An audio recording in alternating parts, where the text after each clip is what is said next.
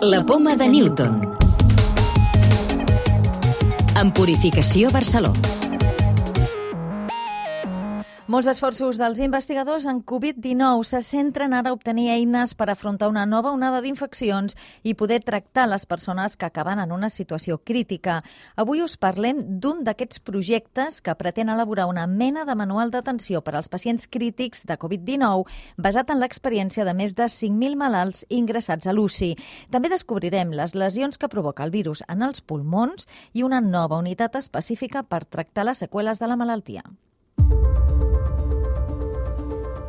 Un projecte d'àmbit estatal en presència d'investigadors de l'IDIVAPS vol dotar els professionals de les unitats de crítics de pautes d'actuació amb els malalts més greus de Covid-19 per personalitzar els tractaments i reduir les morts.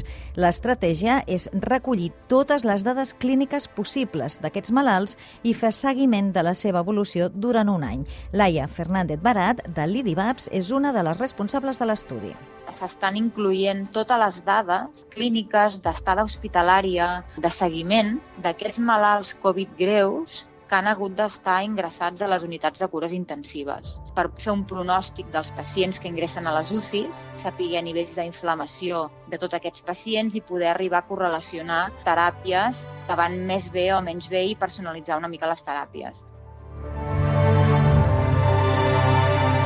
Parlant de malalts crítics. Això són malalts que estan entre la vida i la mort, no? Vull dir, és una situació molt greu en la qual s'ha d'actuar molt ràpid, en la qual el, el clínic necessita una sèrie d'eines per saber com ha de manegar aquest pacient. Davant d'aquest coronavirus s'han trobat amb moltes limitacions, no? perquè no es coneixia, no, no s'estava preparat per tot això.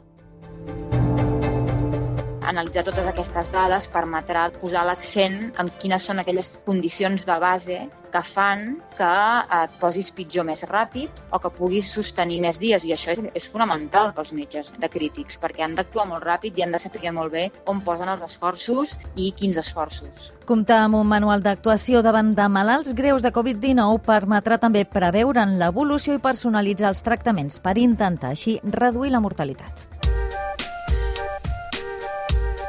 Els patòlegs estan sorpresos per les greus afectacions pulmonars que detecten en malalts que han mort per la Covid-19. José Palacios, cap d'Anatomia Patològica de l'Hospital Ramon y Cajal, reconeix que no s'esperaven lesions pulmonars tan avançades en aquests pacients com les que estan trobant. Los pacientes que llevan un tiempo de tres, cuatro semanas en la UCI que no se recuperan se debe a que gran parte o áreas del pulmón pues ya llegan a tener una fibrosis pulmonar. Lo que más nos ha sorprendido el grado tan avançado de lesiones que hemos encontrado en estos pacientes. L'Hospital Parc Taulí de Sabadell ha creat una unitat pionera per fer seguiment de les seqüeles de la Covid-19, no només en l'àmbit hospitalari, sinó també de l'atenció primària. La unitat serà especialment útil pels malalts que triguen molt a recuperar-se, com explica el cap de malalties infeccioses de l'Hospital Parc Taulí, Manuel Cervantes. Un dels aspectes que tenim pendents és el tema dels malalts que triguen en recuperar-se o perquè han estat molt greus o perquè tenen unes manifestacions estranyament llargues de la mateixa malaltia encara que ja no contagin.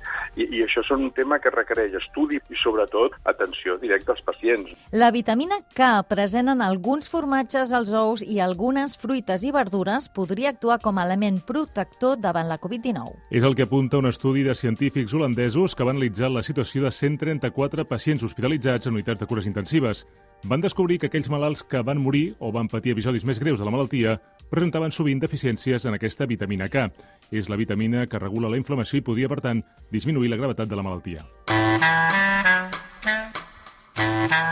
Llibres de ciència.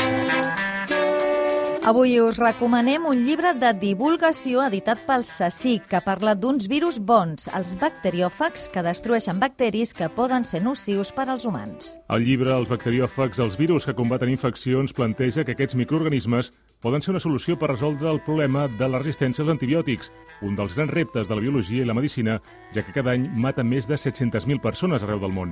És una oportunitat per descobrir que no tots els virus són dolents, com el SARS-CoV-2, i que alguns poden ser aliats dels humans en la lluita contra moltes malalties. La clau de volta.